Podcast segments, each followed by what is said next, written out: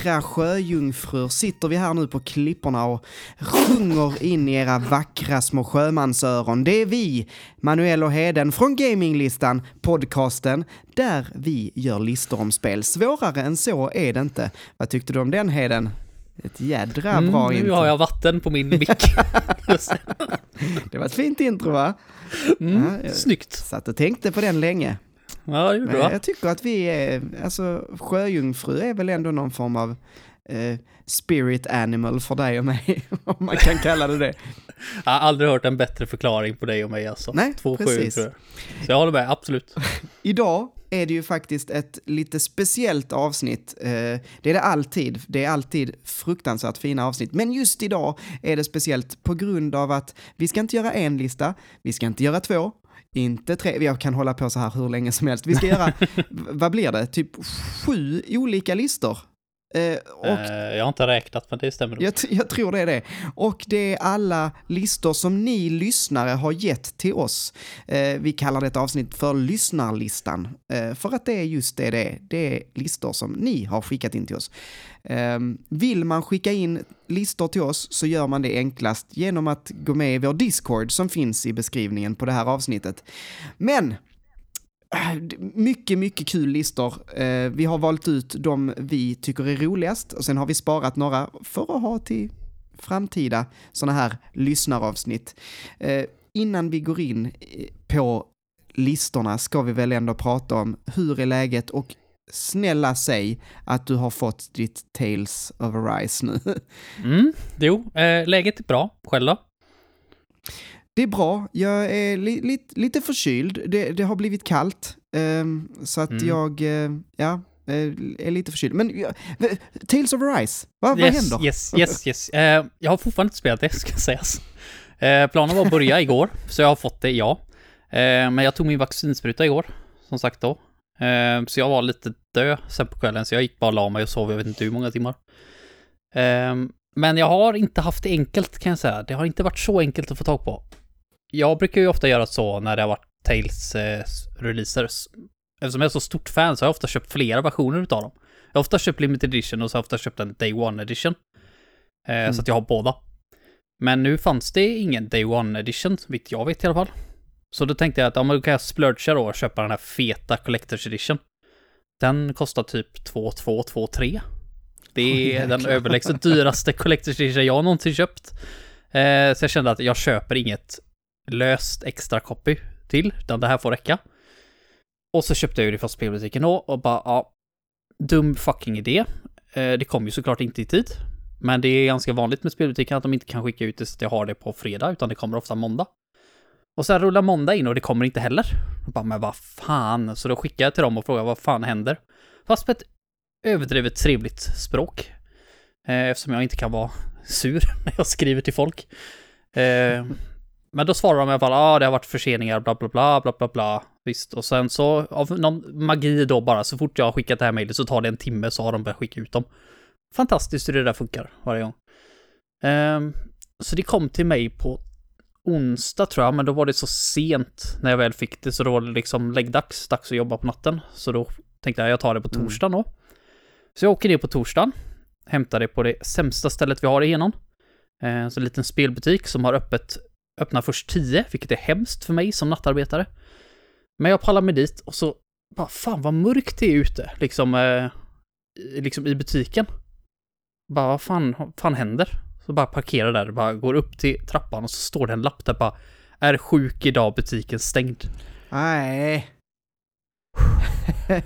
Jag bara, är, är ni på fucking riktigt? Alltså, jag har ändå ett sånt jobb så att jag ska lösa så att det finns personal. Och det ska jag göra mitt i natten ibland. Bara lycka till. Men den här jäveln kan inte få en person att stå bakom en disk och sköta det där enkla jävla jobbet de har där. Jag blir så fucking arg. Jag bara kände jag sparkar upp dörren och hämtar mitt paket själv. Eh, Men då sket jag i det helt enkelt, för sen till helgen hade jag inte tid. Så nu hämtade jag det igår, i samband med att jag tog åkte ner och tog sprutan. Så nu har jag fått det, och det är stort som ett freaking as.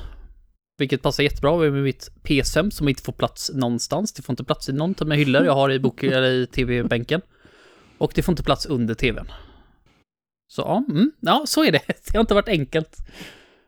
Men jag hoppas att jag kommer kunna spela det idag. Ja, vad nice. Jag försöker titta lite här på vad vad det är du har fått. Jag ser där är en artbook, eh, ett soundtrack på eh, CD och digitalt. Eh, Mm. Någon steelbook, är det ti- till själva spelet då? Alltså ett case? An- Nej, det kommer i en egen också. Okej. Eh, och sen en exclusive figurine. Mm, jag tror det är den som tar upp. Jag har faktiskt inte öppnat det.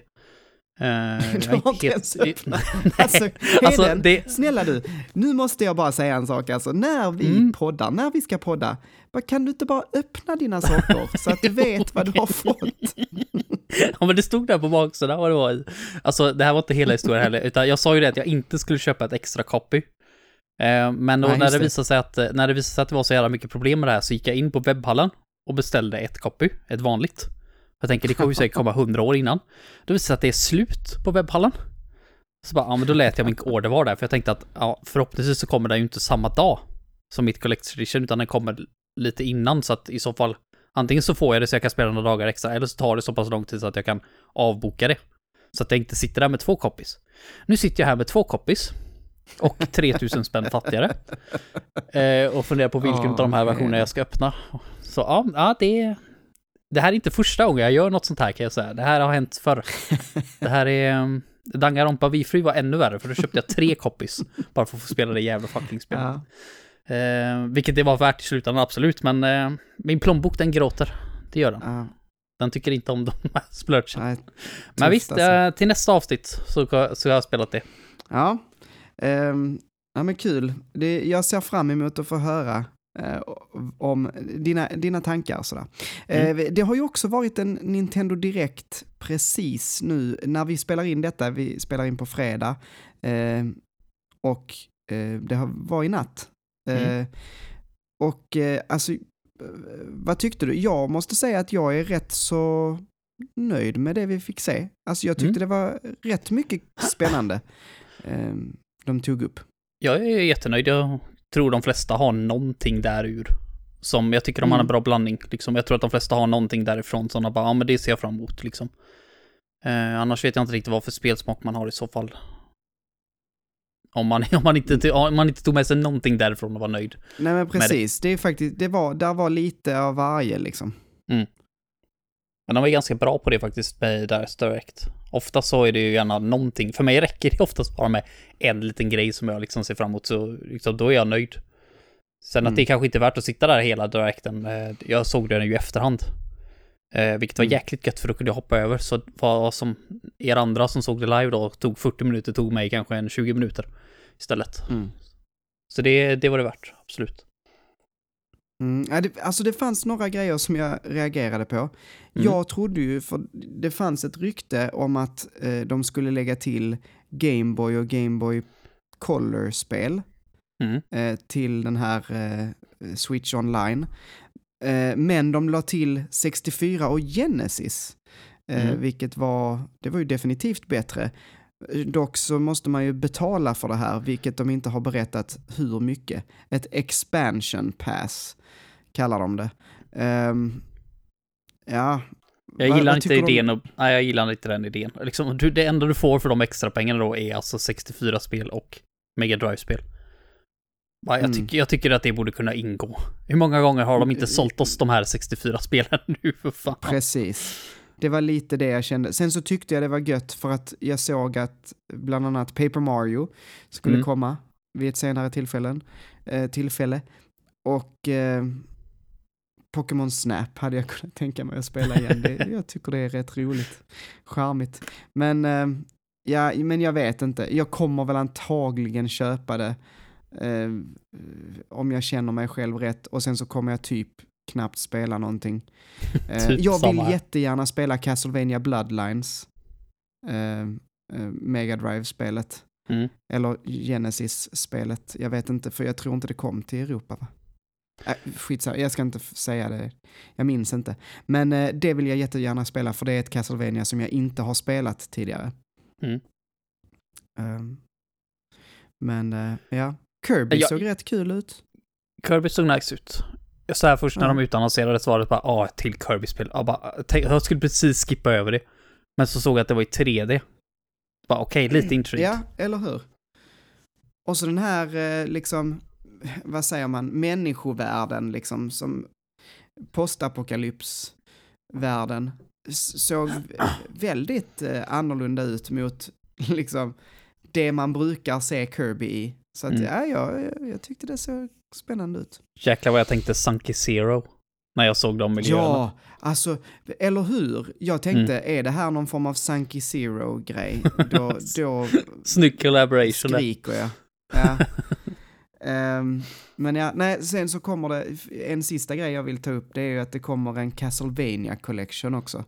Ehm, alla Game Boy Advance-spelen. Ehm, den, den ser jag fram emot. Mm. Nej, och Det- en sak till. Actracer.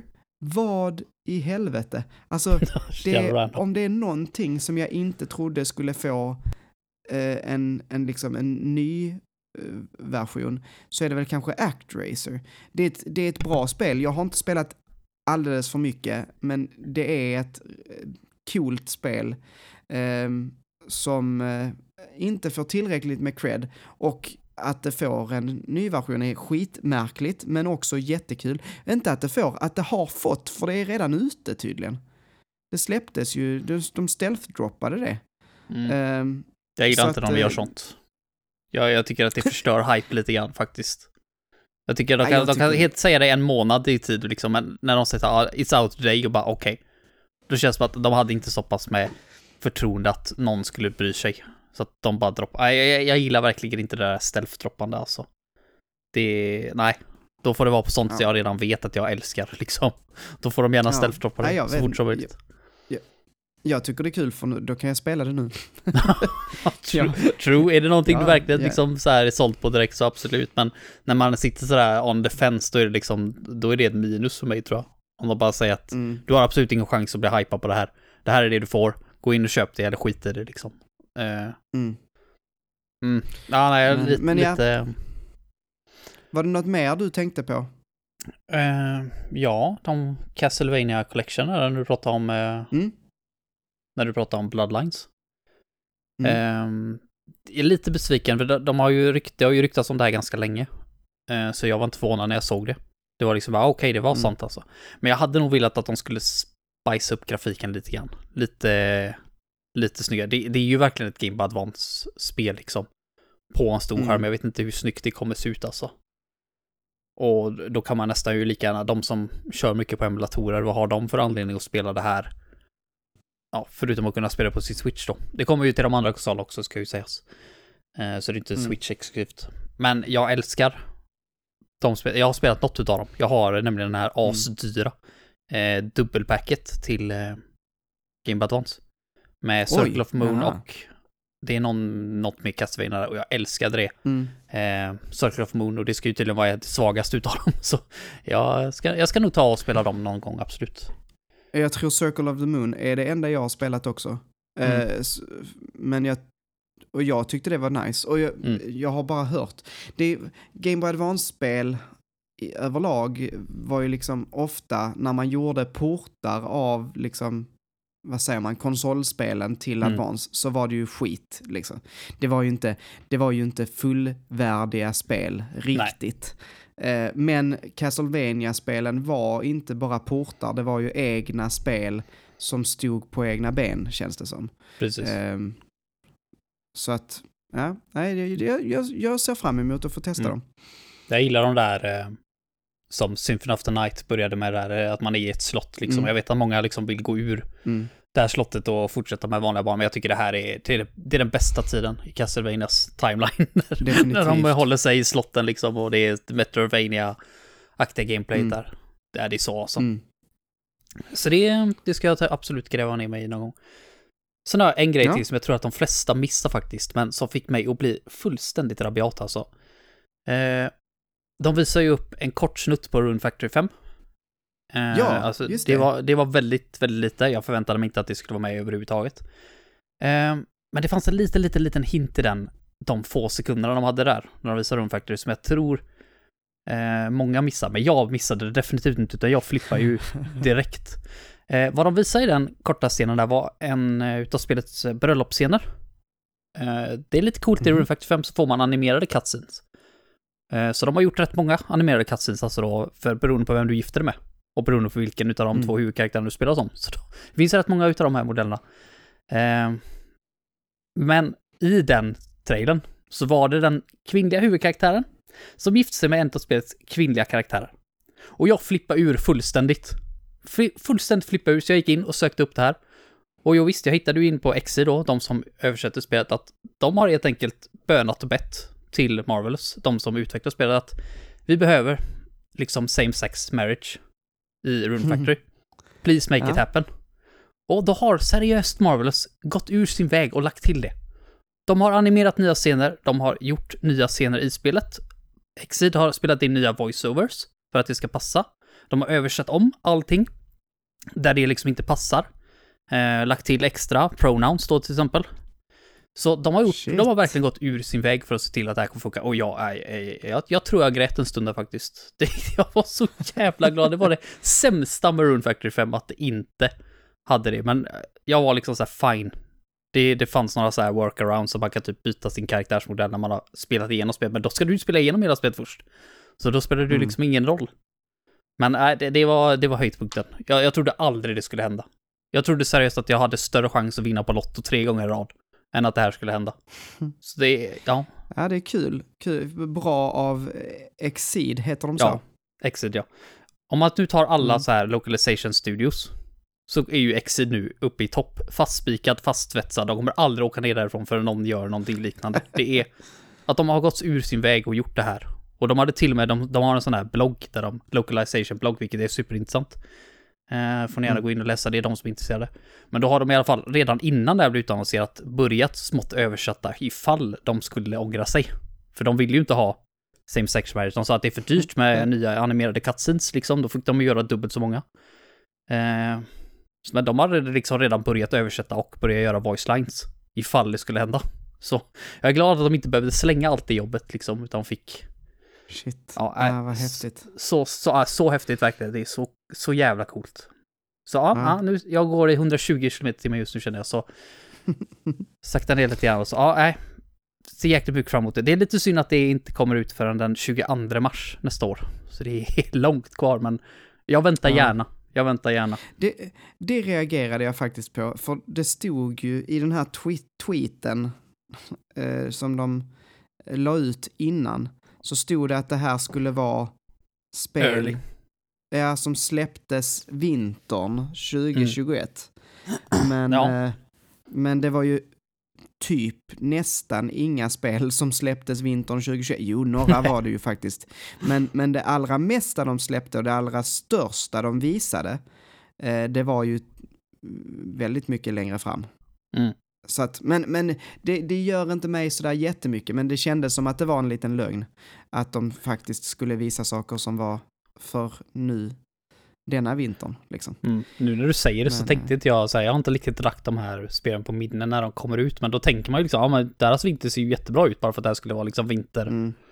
Så det, ja, det är, lite, det är lite fult. Samma sak med lite fult eh, när de visade upp det nya Animal Crossing-contentet. Va, vad, är, Mm. vad är det i det contentet? Nu har man ju inte sett allting, men typ det där Rooster till exempel. Eh, nu vet jag inte om du har spelat med andra Animal Crossing där så att du vet om, men Mm. han har ju varit med i många Animal Crossing nu, ända sedan Wild World tror jag, på DS. Så varför Mm. har det tagit ett och ett halvt år att lägga till han? Det, det känns som att mycket av de här grejerna borde varit inne redan från början. Eller kommit ut för länge sedan. Men jag, visst, det är ju kul att de fortfarande uppdaterar det för de som fortfarande spelar det. Eller de som börjar senare. Ja, ja, angående den utannonseringen så tycker jag det är tråkigt precis som med Smash. Jag bryr mig inte jättemycket heller, men, men jag tycker det är lite tråkigt att, att de liksom, ehm, ja, sen så ska vi prata om Animal Crossing. Det ska vi göra 5 oktober. Mm. Man bara, det jaha, är så här, vi utannonserar en nedräkning till en utannonsering. Det är bara, ja, Ja. spännande. Ja. Ja. nej, det håller jag med om. Men eh, då har vi ju någonting att se fram emot oktober också. Sen så tror Ja. jag gärna att jag, jag fastnade, jag fastnade aldrig riktigt för det här Animal Crossing. Det var fel tidpunkt bara. För mig att spela det. Eh, så jag tror inte Ja. att jag kommer plocka upp det. Men eh, jag gillar Animal Crossing, så det är, jag är fortfarande inte intresserad av att se vad som händer i serien liksom. Ja, precis. Men eh, om det inte var så mycket mer så kanske vi ska börja göra lite listor Mm. även idag. Mm. Eh, och eh, som sagt, det här är alltså lyssnarlistor och vi har frågat er på Discord vad vill ni att vi gör för listor och sen har vi plockat ut ett gäng eh, och vi kommer göra topp tre så att, eh, av de här listorna. Bara för att inte sitta här till imorgon. Mm. Ehm, du kommer få göra tre stycken egna topp tre år. Jag kommer göra tre stycken egna topp tre och sen så gör vi en gemensam, eller vi gör vars en av en sista, ett sista ämne som vi tyckte lite extra mycket om. Mm. Ehm, ja, ska vi, eh, Yes. ska vi sätta igång? Heden, vill du börja? Yes. Um, ska jag säga det också att vi kommer ha ett relativt högt tempo som som sagt så vi inte sitter här till imorgon. Precis. så inga 20 minuters eh, samtal om någonting. Men eh, vi, vi får la se. vi, vi är rätt bra på att prata Ja, bägge två. det säger vi Manuel. Det säger vi nu ja. Yes, men jag tänkte i alla fall, ja, min första topp tre ska bli sämsta uppföljare.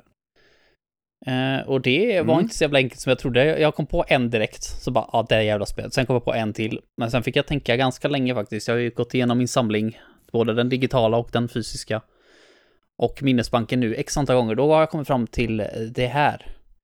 På tredje plats har jag Tales of Symphonia Dawn of the New World. Eller Tales of Symphonia 2 för Mm. enkelhetens skull då. Eh, och Symphonia är ett av mina absoluta favorit-RPGs. Det var ett av mina första RPGs överhuvudtaget, förutom eh, Pokémon och eh, Paper Mario. Så det, det har en speciell plats i hjärtat kan man ju säga. Så när de utannonserade till Wii då, eh, en tvåa, så var jag ju helt i extas. Eh, för att inte tala om den tiden, vi fick vänta från den, först från den japanska releasen till den amerikanska och sen från den amerikanska till den europeiska releasen. Det här var fortfarande i de mörka tiderna, ska jag säga, för oss europeer. Ehm, men vad vi fick då är väl ett helt okej spel. men de behandlar framförallt casten i Symfonia. jäkligt dåligt i det här spelet. Många voice actors är utbytta för det första, vilket är supertråkigt. Eh, framförallt att höra en annan röst på Lloyd gör mig knäpp. Eh, så det är inte okej.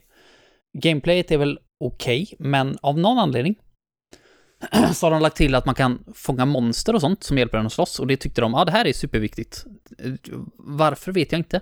Det fanns inte i Symfoni 1. De bara kände att ja, det, här, det här ska du ha. Du ska ha monster som hjälper, till, eh, hjälper dig att slåss. Och bara därför då så har de gjort att när du får med dig original Symfonia-karaktärer, typ som Lloyd och Genius och dem, så kan de inte bli leveln högre level än 50. Men maxlevel i spelet är 200. Så att när du har dina karaktärer och dina monster på level 150 så är ju Symfonia originalkaraktärerna helt sämst. Och det är så tråkigt. Varför göra en sån sak? Varför bara? Och sen storyn är liksom... It's whatever liksom. Symfonia var bra som det var, det behövde ingen ny story. Så ja, nej. Nej. Det var det lämnar lite sån här med smak på, Mm. på tungan. S- Det är också Släpptes så det i. Europa? Det släpptes i Europa till slut. Jag vet inte riktigt Ja. hur länge vi fick vänta, men det, vi fick vänta jävligt länge för Vi fick lite extra content eh, på grund av det. Men det var Okej. typ så här accessories och typ en digital artbook eller något sånt där liksom i spelet. Så bara, ja, big deal. Det var inte värt att vänta så länge. Mm. Men det är, det, det är väl ett okej spel. Grafiken är tråkig, framförallt om man jämför med Symphonia som har jättesnygg cell-shaded grafik. Men det här är ju liksom, om du hade tagit Symphonia och lagt på ett grå filter uppe på, typ något sånt liksom. Så, Mm. ah, nja. Det är just därför jag inte tycker, jag föredrar faktiskt RPG som inte är direkta uppföljare. Det finns bra exempel, till och med i samma serie, där de har lyckats göra bra uppföljare, men jag föredrar i alla fall så att ha nya karaktärer i ett nytt RPG. Jag vet inte hur du känner om de skulle göra ett Final Fantasy 8-2. Skulle liksom du Mm. vilja ha exakt samma karaktärer i ett nytt äventyr? Jag skulle inte vilja ha ett Final Fantasy 8-2 känner jag. Nej, det är till och med på den Det- nivån, ja. ja. Nej, Alltså, men det är så. Ja, nej, jag, jag, har, jag har jättesvårt för det också, när de Mm. gör sånt. Eh, Men, eh, ja. Det är, så, det är så fascinerande bara för i alla andra genrer så är det liksom så här, åh jag vill ha en uppföljare, jag vill se vad, fortsätta se vad de här karaktärerna för sig. Men i RPG så är det liksom bara, nej, det är rätt bra där liksom. Nej. Jag behöver inte se, jag vill Ja. hellre se det från andra karaktärsperspektiv liksom. Och lära känna nya karaktärer med nya abilities. Och så vidare. Jag och så är vidare. helt med dig. Yes, så det var min tredje plats. Eh, på andra plats har jag Artonalico 3. Och det är för att eh, Artonalico 2 är ett av mina absoluta favoritspel någonsin. Eh, Turn-based RPG från Gust. Har jag pratat om några gånger, framförallt musiken. Mm. Mm. Eh, och medan musiken är fortfarande väldigt bra i Artonalico 3 så är ju allt annat bara en jävla trainwreck. Alltså det är så tråkigt för det skulle vara en trilogi redan planerat från början. Eh, och Artonalico 1 och 2 släpptes till PS2 och använde det här Super Nintendo on steroid-grafik liksom. Så det ser ju supersnyggt ut verkligen. Men Mm. Artonalico 3, det var liksom så här, mm, typ Gusts första PS3-spel och det gick ju ungefär så bra som man kan förvänta sig. Eh, det ser för jävligt ut. Eh, kontrollen är floaty som fan och typ, det är något, en gång i spelet man ska gå ner för en lång trappa. Och då kan inte karaktären hålla sig på marken utan man typ hoppar tre hopp ner, fast du bara går. Varför du har sån hög fart, fysiken är bara helt åt helvete. Och det bästa i tvåan var när man fick nya magier och sånt där grejer att använda i battle. I trean så får du en magi genom hela spelet. Den ändrar sig aldrig. Du får nya karaktärer, men de har bara nya skins på samma magi. Så det är supertråkigt. Supertråkigt. Och bara, varför? Storyn får väl säga ett satisfying slut, men spelet i sig var inte satisfying. Det är liksom så här, de gick ju också bort från turn-based till ett mer Tales-aktigt um, battle system. Men om du tar ett Tales-spel och så tar du bort allting som är kul med det, så har du kvar Arten Delico 3. Det är så jäkla tråkigt. Du kan inte stunlocka fiender, utan du bara slår på dem. Så det är ungefär som att du hade haft en, en, en stor tops och slått på eh, din hund som sprang förbi och liksom inte brydde sig. Typ så kul är det. I tre sekunder och sen så, äh, jag, jag, hat, jag hatar det. Jag hatar det jävla batsystemet. Jag vet inte hur jag stod ut. Jag har ändå typ nästan Mm. 100% av det spelet. Eh, men ja, nej. Det var en stor besvikelse bara. Stor besvikelse. Och på första plats har jag nog det spelet jag hatar mest. Och det är Paper Mario Color Splash. Det är ju ingen direkt uppföljare, men eh, nej, jag missar inte en chans att spotta lite grann extra på det spelet alltså. Det är så jävla kast på alla sätt och för de som inte vet vad Paper Mario Color Splash är, jag avundas dig. För det första. Eh, och för det andra så är det ett... Ja, vad fan är det? Är det ett RPG? Ja, knappt. Det är... Det är ett snyggt spel. Det är det. Det är väl det jag kan ge det. Det är ett snyggt spel med lite roliga dialoger här och var, men som sagt, battlesystemet är bara helt åt helvete. Och istället för en fin värld du går igenom, typ som i de gamla Paper Mario-spelen, så går du uppe på en world map, vilket också förstör det helt och hållet. Och sen så är det ju liksom mer banor du går igenom. Så att banan har liksom en start och ett slut. Med ingenting intressant som händer emellan. Du kan plocka upp färg, så du kan fylla i så här, lite så här tomma färger, tomma ställen där det sakta, fattas färg. Och vad kan du få från det? Jo, du kan få mynt. Och vad, kan, vad kan du göra med mynten? Jo, du kan köpa kort som du använder i battles. Och vad gör korten då? Jo, det kan vara typ eh, kort med skor på. Det betyder att du kan hoppa. Det kan vara kort med hammare på. Det betyder att du kan använda din hammare. Varför det inte bara kan vara en hammer option och en eh, jump option som med de gamla spelen? Ingen aning. Eh, det är, det, det, är bara, det är bara så jäkla kast på alla sätt. Jag avskyr Carlos Splash. Absolut avskyr det. Och det var typ det sista spelet som kom ut i Wii också, så det lämnar en fruktansvärt dålig eftersmak på sig hela den konsolen alltså. Så, ah, nej. Don't play.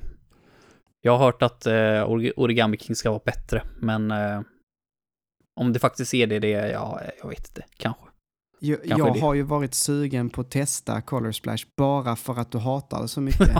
Men jag är inte heller sugen på att liksom lägga ner pengar Nej, på då ett skickar jag det till dig. skitdåligt spel. Du lägger fan inga Eh, pengar på det spelet. Ja.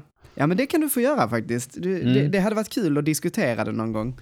Eh, så sämsta listan, så sämsta grejerna. Topp fem sämsta grejer med Color Splash. Du, det är faktiskt... På eh, femte faktiskt, plats, allt.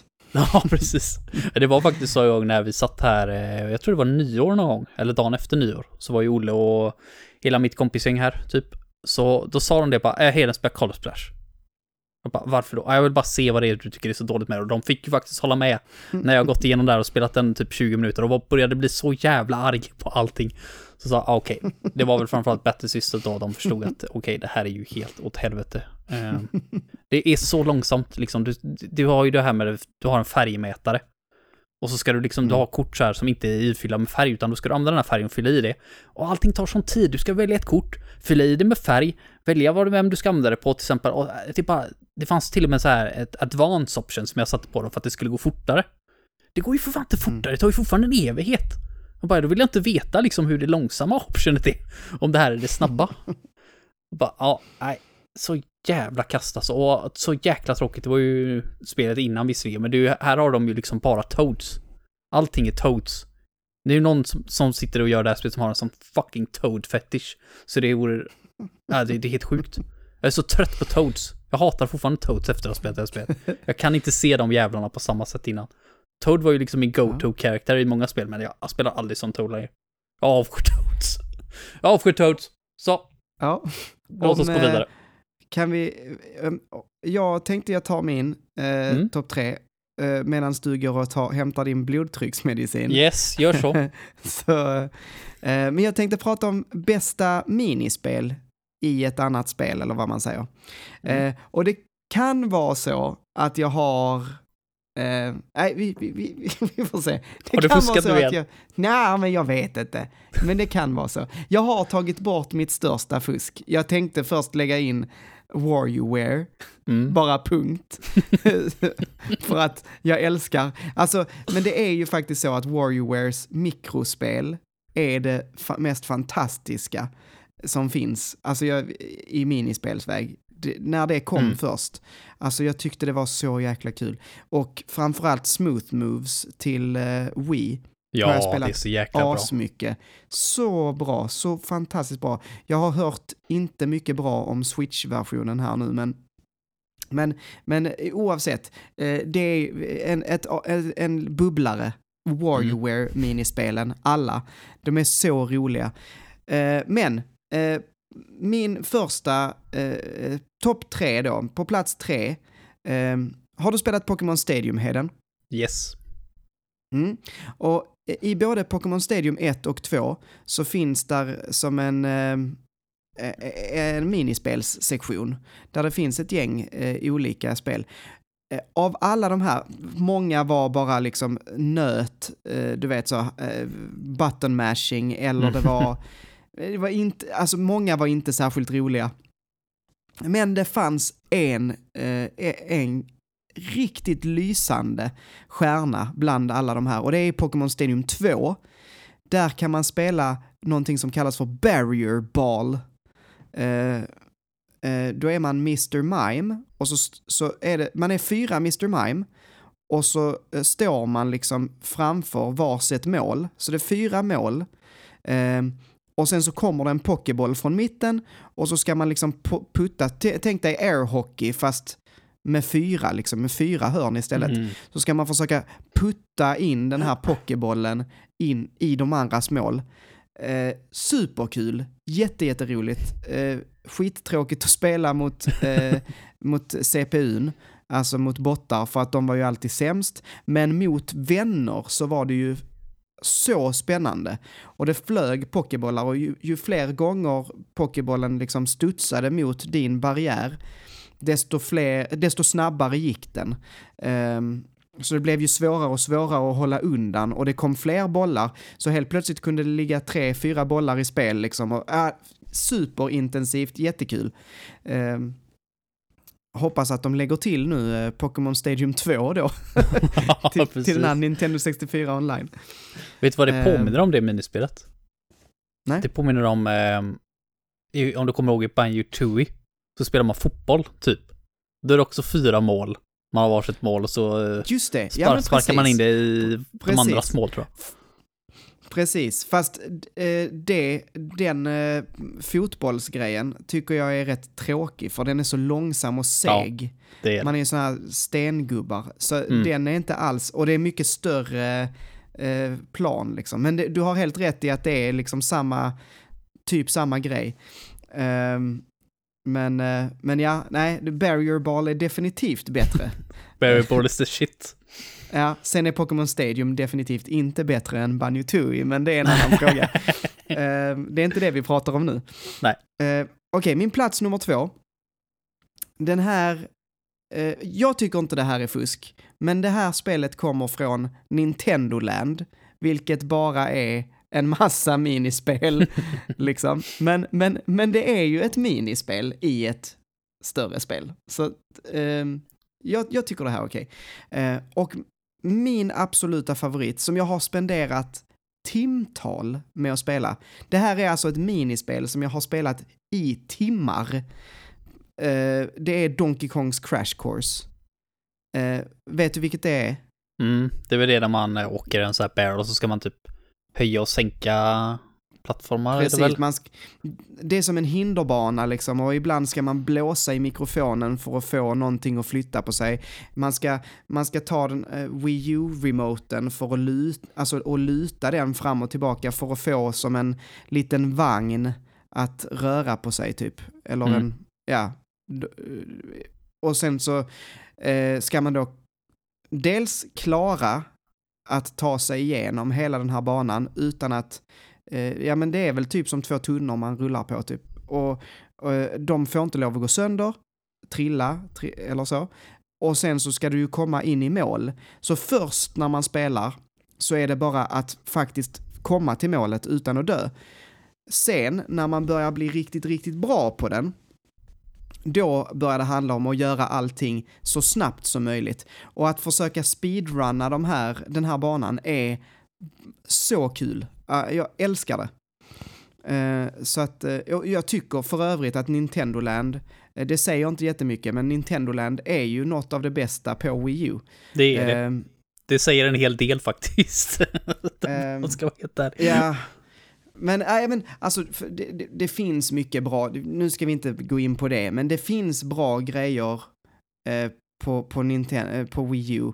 Eh, liksom, eh, ja, nej, Ja. eh, inte jättemycket, men, men Nintendo Land är definitivt något av det absolut roligaste i alla fall. Mm. Det är jätteunderhållande. Ehm, ja, min sista, min nummer ett, är Gwent från The Witcher 3. Har du spelat Witcher? Nej. Okej, så Gwent är typ, eh, ja nu när du spelar eh, Final Fantasy 8, det är som The Witcher 3s eh, Triple Triad. Mhm. Eh, det är ett kortspel. Men det, det liknar mer typ Hearthstone eller något sånt, alltså där du har, eh, du har liksom olika soldater eller olika monster eh, och hjältar från spelet som du spelar ut. Eh, och du kan, eh, du kan gå till typ rätt så många, alltså nästan vem som helst i spelet och spela lite Gwent liksom. Oh, fancy a game of Gwent. Eh, och det jag tycker är bra med det här, det är att även fast man märker att spelet är riggat till din fördel, eller du märker, nej, det- det är ju det, det är riggat till din fördel, men det, det känns inte som det. Du får, du, du känner dig som att du är så jäkla bra på det här spelet. Eh, och det är nice. Eh, Du vinner ju skitmycket liksom, trots att du kanske egentligen inte har den bästa däcken eller så. Det, Men det, fin, finns det riktigt motstånd att få också om man skulle vilja ha det? Jag minns inte riktigt, alltså, men, men ja, alltså du kan ju förlora. Absolut. Eh, man måste ju bygga på sin lek och liksom bli bättre och så, så minns jag det. Men det är inte som att spela mot eh, alltså mänskliga eh, spelare. Så för sen, det, det som hände var ju att Gwent blev ett eget spel. Eh, Okej. utanför Eh, The Witcher 3, för så populärt var det. Ehm, så att nu finns det ett kortspel så, som du kan spela, som Hearthstone liksom, som heter Gwent, där du spelar mot andra. Och eh, det är ju inte alls lika kul, tycker jag, för att man förlorar ju mycket mer. men, eh, men ja, nej, det, är, det är by far det absolut bästa minispelet jag har spelat i, i något spel. För att det är jag, jag kunde spendera jättemycket tid med att bygga olika Gwent-lekar och testa olika kombinationer och jag hade jättekul med Gwent faktiskt. Mm. Så att, ja. Ja, jag, jag kände igen att du fick ta den här...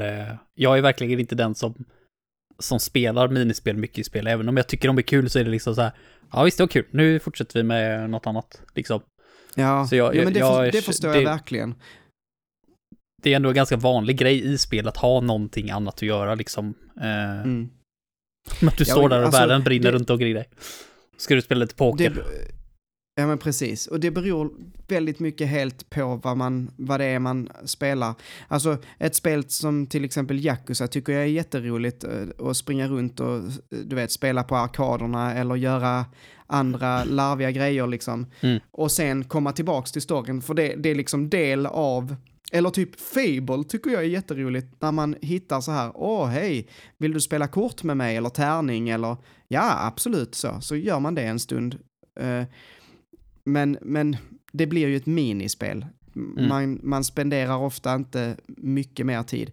Eh, och det var därför jag ville, jag ville eh, faktiskt ta fram de här tre, för att de här tre är inte så att man spenderar fem minuter och sen är man färdig, utan de här är verkligen värda att spela Mm. länge, länge, länge. Så att ja. Men... Har du, ehm, har du testat, eh, innan vi går vidare, har du testat Tycoon ifrån Persona 5 Royal? Tycoon? Mm. Det finns så här, det måste, du- det måste du ha låst upp nu, Fiefsten, som du kan gå in i. Ja, just det. Mm. För via menyn. Yes, där finns ett minispel som heter Tycoon, ett kortspel. Jag har inte Mhm. riktigt fattat hur det funkar, men jag tycker det är jäkligt kul och de har lagt ner rätt mycket tid på det. Liksom mycket voice lines och sådana där grejer. När man spelar mot sina Ja, ja. party members. Ja, Jag har bara varit inne i Thieves den typ en gång och sen gått ut därifrån, då när jag fick det. Och sen har jag Mm. liksom inte brytt mig. För jag det har inte intresserat mig. Jag har varit fullt upptagen med att spela det Mm. spelet. Ja, men liksom. det var typ så jag gjorde också. Jag gick in där och kollade lite grann och så gick jag in där i, när jag var färdig liksom, när det finns mer att göra där inne. Ja, ja. Men Yes. eh, ja, vad, vad är din nästa topp tre? Tack så mycket till vem det nu var som eh, hade skickat in bästa minispel. Det kanske vi skulle ha sagt vem det är som... det, har, det har vi glömt, vi har bara Ja. samlat in dem. Men vet ni skitsamma, ni, ni är fina allihopa ändå. yes. Eh, vilken är din nästa som du valde? Yes, eh, min nästa är bästa spelvärd miljö och det här tyckte jag lät superenkelt när jag tog den. Jag liksom såhär, joink, den är min, den låter enkel och bra. eh, den var inte enkel och bra, den var ett helvete kan jag säga. Jag har suttit och slitit i mitt hår nu. Eh, men jag har till slut kommit på tre stycken som jag eh, verkligen gillar och då gick jag in, jag fick gärna eh, knö ihop det lite grann liksom. Jag, jag kunde inte ha det så brett. Bästa världmiljö, vad innebär det? Så jag tog liksom bästa, liksom bästa stället som jag vill spendera mer tid på. Liksom. Både, både liksom om jag skulle bo där på riktigt eller i spelet. Så det fick liksom bli något, något sånt där. Mm. Ehm, yes. Men då tog jag i alla fall på tredje plats tog jag Paper Mario och då mer specifikt Toad Time, Town. Mm. För det är, alltså he, hela den världen egentligen, alltså det, det, det är det bästa med Paper Mario. Originalet framförallt då. Det, det är anledningen till att det är mitt favorit Paper Mario i, i serien. Det är för att det finns inget Mm. Mario-spel som, jag tror, det känns som att jag har sagt det här hundra gånger innan, men det finns inget Mario-spel som visar Mario-världen så mycket som Paper Mario. Det är liksom, allting annat är ju liksom bara ett 2D-plane, liksom där du springer runt, eller random 3D-banor som inte är connectade på något speciellt sätt. Så att liksom att se en connectad Mario-värld med liksom Yoshis som bor på sin eh, tropiska ö till en Boo Mansion som ligger längst in i en Haunted Woods liksom. Det, det, är, det är så häftigt. Det är så jäkla häftigt och så med liksom Toad Town då som hub-världen. Ja, det är Mhm. genialiskt. Freaking genialiskt. Jag tröttnar aldrig på det spelet. Jag vet inte hur många gånger jag spelat igenom det. Och det- är det enda anledningen till att jag skulle ta det här som du sa på innan då. Det här nya um, Switch eh. Det är för att spela igenom Paper Mario på Switch. Mm. Har du sett att det finns folk som har gjort så här egna kartor över Toad Town? Ehm, Mm, nej, det tror jag inte. Super Mario Map. Ehm, och gjort liksom egna så stadskartor. Ja, det, man, du kan bildgoogla på eh, Toad Town Paper Mario. Det är Ja. rätt roligt. Det ska jag göra. Mm. Eh, jag hoppas bara att de släpper det någon gång med ett hard mode, för då, då kommer det spelet vara, ja, så nära perfekt ett Paper Mario kan bli tror jag. Mm. Eh, så det har varit kul att utforska den världen igen. Men eh, på tal om bra Nintendo-världar så är min andra plats också dedikerad till dem. Och där har jag Zelda The Wind Waker. Mm. Eh, och anledningen till att jag är så imponerad av Wind Wakers världskarta, det är för att jag tycker inte om open world-spel. Jag tycker att de är ett waste of time många gånger. Eh, och det är okej okay ibland alltså, det är okej. Okay. Så länge du har roligt så gör det ingenting att du wastea din tid, tycker jag då. Spel ska vilja få dig att wastea tid. Mm. Men open world är lite för mycket för mig. Det känns som att, kan inte liksom kompressa det ihop det, knö ihop det lite grann. Så att allting som är intressant ligger mer eh, centralt. Så att det finns mer att titta på, men mindre tomrum och bara gå. Liksom. Men Wind Waker är en... Det är, det är en exception. Där. Jag älskar att åka runt på havet. Jag vet att många havsjö det, men jag tycker det var supermysigt. Och liksom man ser de här öarna komma i horisonten. Mm. Man liksom bara, åh, vad finns på den här ön? Vad kan jag hitta där liksom? Och att det är så, det är så äventyr det här spelet. Mm. Ja, det är Det- lustigt hur jag har liksom, jag har varit på alla de här öarna flertalet gånger. Mm. Och ändå när jag sätter igång en ny genomspelning så känner man när man ser en ö i, i horisont, bara, åh jag undrar vad det kan finnas här. Mm. Jag håller med. Alltså jag man blir helt precis vad du menar. pirrig. Ja, Mm. jag förstår precis vad du menar. Jag känner exakt likadant. Jag tycker, jag tycker det är verkligen fantastiskt. Och Wind Waker HD när man har snabbare sail då liksom. Mm, mm. Så det underlättar lite grann. För jag kan hålla med om att det blir lite väl mycket att åka. Man känner ju lite grann det där då overworld, eh, eller vad heter det, open world-grejen med att yes, här är stor värld, stor värld good, small Mm. world bad. Liksom, nej, så är det inte.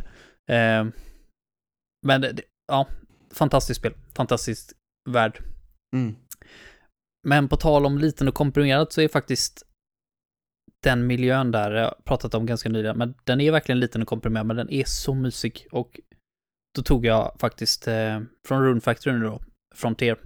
Jag prat, vi pratade om det för inte så länge sedan. Eh, när jag, jag spelade det under min semester och då var det den byn du spenderade tid där, är Trampoly Village. Jag vill bo där.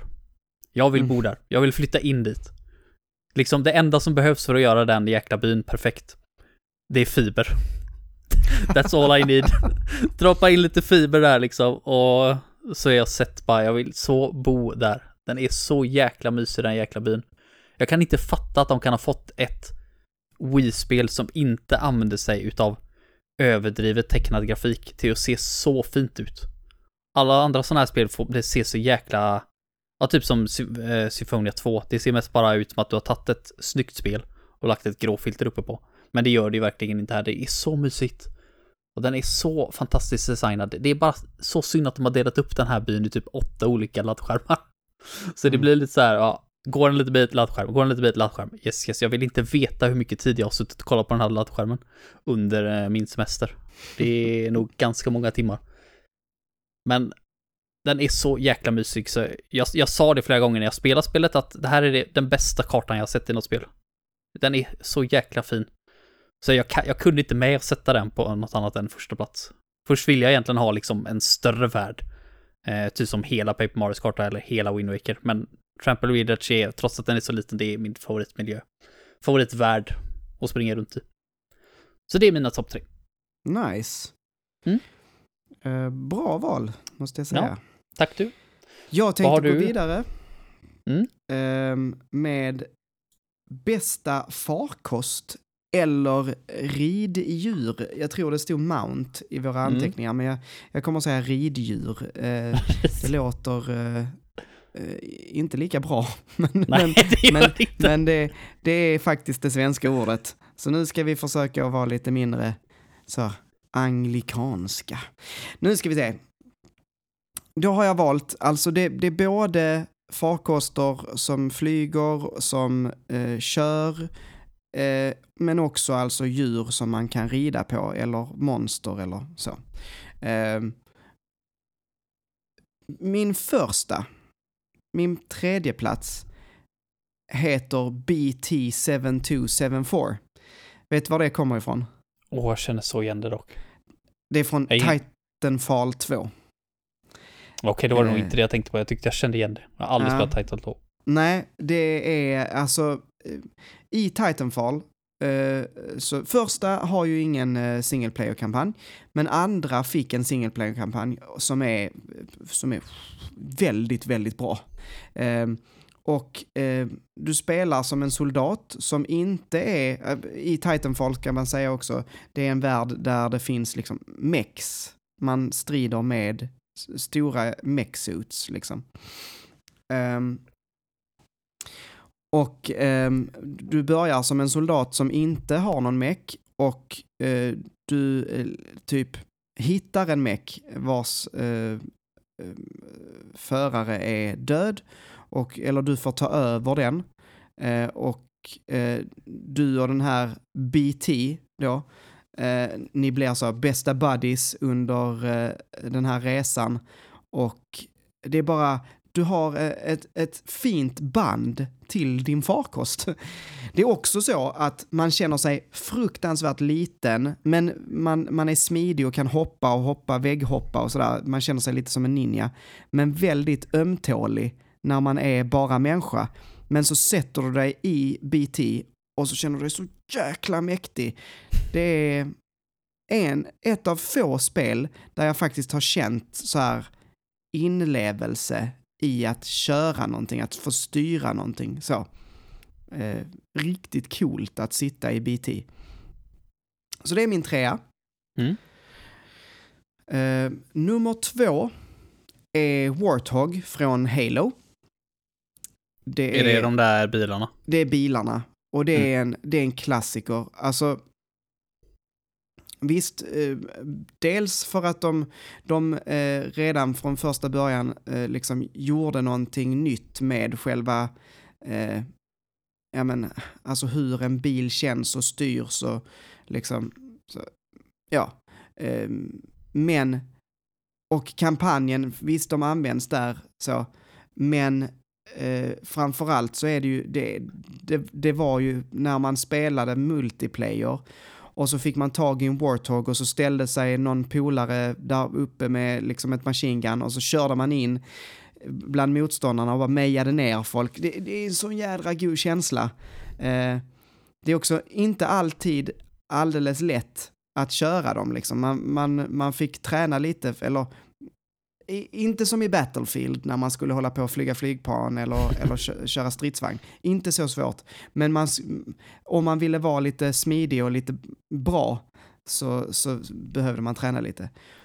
Och de har ju också så crazy bananas eh, eh, fysik. Så de, de hoppar ju och fladdrar ju runt eh, jättemycket. Vilket jag också tycker är kul. Varje gång jag ser de här bilarna så är det oftast, eh, varje gång jag ser Halo överhuvudtaget så brukar det vara så här typ speedrun fails compilations och då är det alltid den här jäkla bilen som, som Ja, landar, ja. landar på fel håll. Så det ser verkligen skitsvårt ut att styra dem. Ja. Nej, men det är mycket sånt. Man hoppar runt och fladdrar runt liksom så. Men ja. Eh, Och sen min sista eh, är hästen i Ghost of Tsushima. Ehm, min häst döpte jag till Nobu. Mm. Och nu kan vi ju bara säga att det kommer eh, komma lite spoilers eh, för Ghost of Tsushima. Så vill man eh, hoppa vidare, eh, typ, säger vi två minuter. Ni kan kolla i, i eh, beskrivningen också, eh, i timestampsen. Men eh, jag kommer spoila lite i Ghost of Tsushima. Eh, man får en häst i början. Eh, och man får så världens finaste band till den hästen. Eh, och sen så dör ju hästen. Och det var eh, typ precis innan slutet börjar kan man säga. Alltså i, i andra tredjedelens slut av spelet eh, så dör hästen och det är så jäkla sorgligt och man känner verkligen fy alltså. Det här var en så fin häst. Jag, jag valde den, jag döpte den. Så det, det, det känns, man har ett starkt band till den hästen. Eh, och därför kändes det liksom bara... Den är också, den är också väldigt viktig. När man, man, man visslar så kommer den och så rider man iväg och så rider man över de här hederna. Alltså den, den har en, ett väldigt viktigt värde i Ghost of Tsushima. Har du spelat Ghost of Tsushima? Nope, inte gjort. Jag tror du skulle gilla det faktiskt. Alltså det, eh, det- är ju open world, vilket du säger du inte gillar, men det är dock eh, ett väldigt vackert och välgjort open world. Eh, det är också, för min del är settingen väldigt viktig här. Eh, och det är också, eh, hästen är på något sätt en del av settingen. Den blir en del av det som gör att jag dras in i eh, den här världen. Jag kände att jag behövde ta hand om Nobu, att jag behövde, så här, åh, det var min bro. Så, jag vet Mm. inte. Det var, det, den var viktig i alla fall. Så att eh, det är min favorit. Det är farkost eller riddjur. Jag är så förvånad att du inte hade med... Jag trodde att du skulle ha med noshörningen från Kong Country någonstans där. Ja, den var uppe först. Den var uppe först. Men sen så, alltså, den, är, den var god när man var liten, men den känns, den känns väldigt stel numera. Stel noshörning. Ja, den, stelnat med åren. men den är, Mm. den är vi, kan, vi kan bara lägga till den som en bubblare, för den är, den Ja, är precis. också fet. Jag, jag hade den uppe faktiskt. Jaha. Yes. Ehm, mm. Min sista lista, ja, eller sista egna lista här i alla fall. ehm, det är bästa uppföljare. Så jag har både sämsta och bästa uppföljare. Och den tyckte jag också Nice. lät enkel, men det, den var eh, fan ännu svårare än sämsta uppföljare kan jag säga. Det, de flesta är så här bara, jo men det var ju en bra uppföljare, men spelet innan var ju också bra. Så då blir det så här, hmm. Jag vill gärna att det ska vara liksom lite eh, spelet innan ska gärna ha varit lite så här antingen okej och så vill jag att det nästa ska liksom verkligen vara oh jäklar vilken uppföljare. På det sättet om du förstår vad jag menar. Så Mm. det, det tog en stund innan jag kom på eh, tre stycken. Eh, men de blev så här i alla fall. Eh, på tredje plats har jag Hyperdimension Neptunia Mark 2. Eh, jag har väl nämnt Hyperdimension Neptunia någon gång i, jo i Trophy, eh, Trophy-listan som vi gjorde. Eller som jag gjorde i något avsnitt här för ett tag sedan. Men anledningen till att jag har det uppe, det är för att Hyperdimension Neptunia 1 är nog en av de sämsta RPG jag spelat i mitt liv. Det var fruktansvärt dåligt på alla sätt. Mm. Det använder typ någon så här ja, semi-turn-based. Eh, så här, du, du, tar, du har typ din turn och så går tiden ner eh, högst upp på eh, skärmen. Och så kan du liksom attackera under den tiden.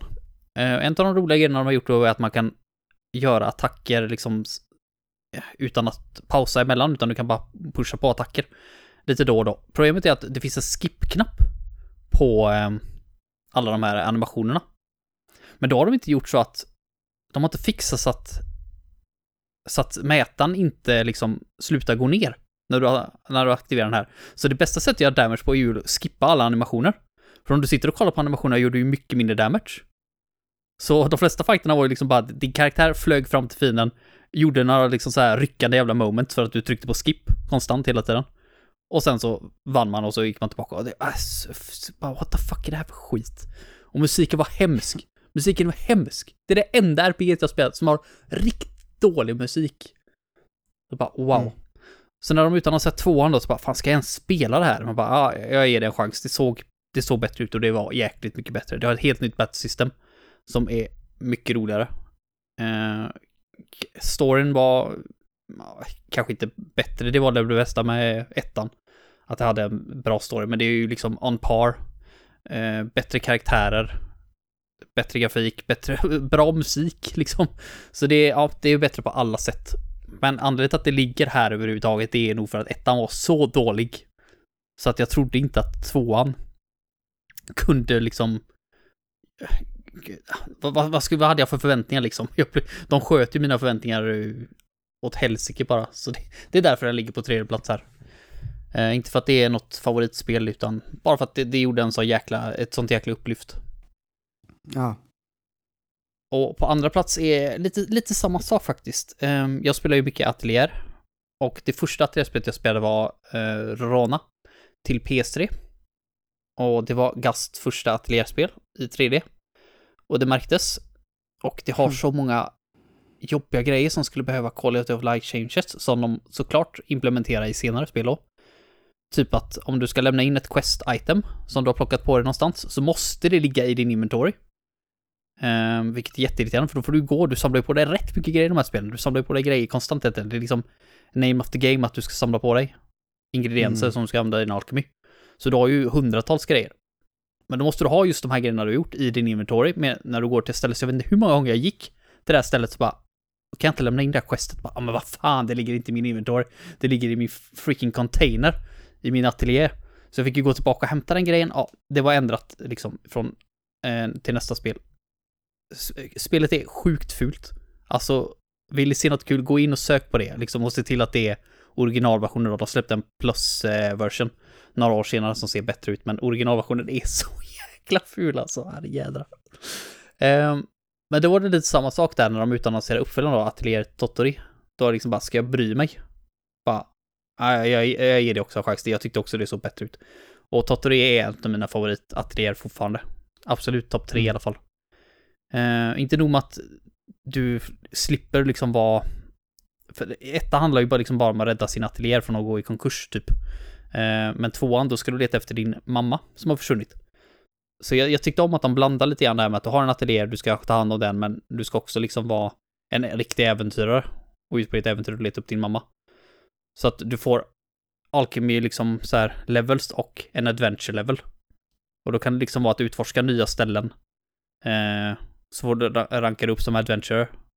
Och så finns det olika slut då beroende på vad du fokuserar på, till exempel. Så ja, bättre på alla sätt verkligen. Bättre på alla sätt. Så det, hade det inte varit för Tottori tror jag, hade det varit på samma nivå som Rorona, så hade jag nog inte Mm. fortsatt spela den serien. Och nu är det den spelen jag har spelat mest spel utav, av alla serier eh, som jag har spelat. Så det, det fick vi en värdig andra plats. Och första plats är inte heller någon favoritspel så, men det är liksom... Eh, när man tänker på bra uppföljare så eh, finns det något bättre exempel än Super Smash Bros Ultimate. Det tog ju liksom allting från de tidigare spelen och knödde in det liksom i ett. Det enda det saknar är ju ett, liksom ett sånt från Wii-versionen, det är Emissary. Men det, det gör inte mig så mycket för jag vill att Smash Bros ska vara, det är liksom det är det handlar om för min del. Och det här med att alla karaktärer är med. Det är, det är en så cool grej, det kommer jag aldrig glömma. Det, det, att det spelet ens existerar, det är liksom borderline fantasy faktiskt. Det är så sjukt. Det är så sjukt att se ett spel med de karaktärerna i, liksom den blandningen med, där du kan slåss som Snake, Vaikazooie, mot Mario, mot Joker Mm. från Persona. Det är liksom bara, ha- hallå? Vilken, vilken tid, vil- vilken timeline har vi hamnat i? Hur har vi fuckat upp den här jäkla timelinen så hårt? Så att det har liksom börjat gå emellan varandra. Det här, det, det, det, det här spelet ska inte kunna existera överhuvudtaget. Så här gör man en sequel, för jag. Det är faktiskt otroligt att, att de har fått lov att använda så mycket Mm. olika. Vi har pratat om det innan, men det är, det, är, det är värt att säga igen. Det är fantastiskt alltså. Mm. Det, är- det är just det också, man jämför med spelet som kom innan det till Wii U, det tyckte jag var liksom fine. Liksom det, det gjorde inte mycket verkligen eh, från, de, från de tidigare spelen. De lade till någon mer karaktär, men de tog ju också bort karaktärer. Så det var liksom så här, det var inte så spännande tyckte jag. Eh, jag tröttnade på det rätt fort. Och vi spelade det väldigt lite multiplayer också. Men Ultimate, herre jävlar. Hur, hur toppar de det här? Det går ju liksom inte. De kommer ju fortsätta bara porta det här spelet i all oändlighet. Det är, jag, jag har svårt att tänka på att de skulle kunna slå Ultimate. Det heter ju Ultimate av en anledning också. Så även om jag inte är något stort Smash-fan liksom, så um, får jag ändå säga att så här gör man en uppföljare. Mm. Liksom guldstjärna. Jag är helt med dig.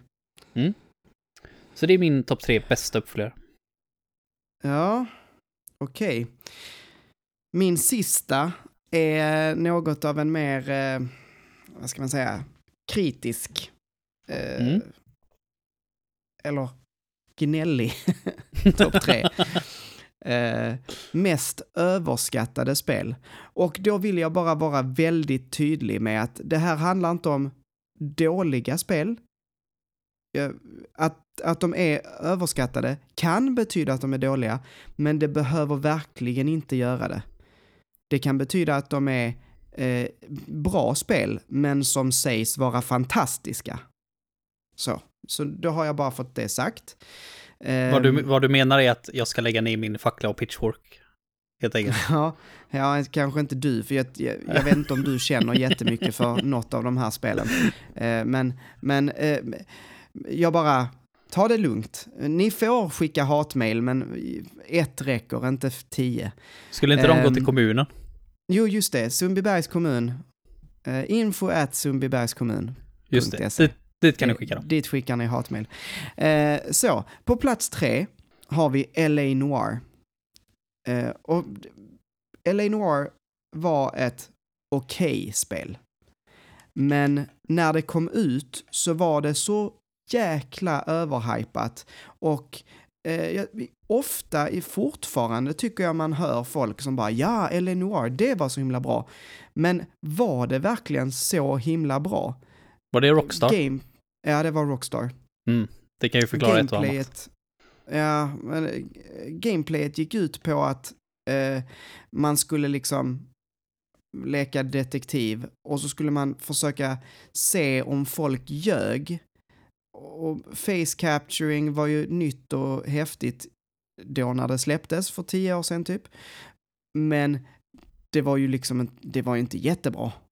Så att ibland så tittar man på eh, sina vittnen då som man försöker förhöra och så ser det ut som att de har tuggat i en citron och så ska man försöka lista ut Betyder det här att de är ledsna eller att de ljuger eller har de tuggat på en citron? Alltså, det är så överdrivet konstiga, ja, jag vet inte. Jag tyckte det här var överskattat. Sen har det en relativt bra eh, story ändå. Ehm, som jag inte riktigt minns hur den slutade, Jag vet inte om jag ens spelade färdigt. Men gameplayet var inte så nytt och häftigt som uh, folk fick det att låta. Um, ja. Sen tycker jag Rockstar gör jättebra spel.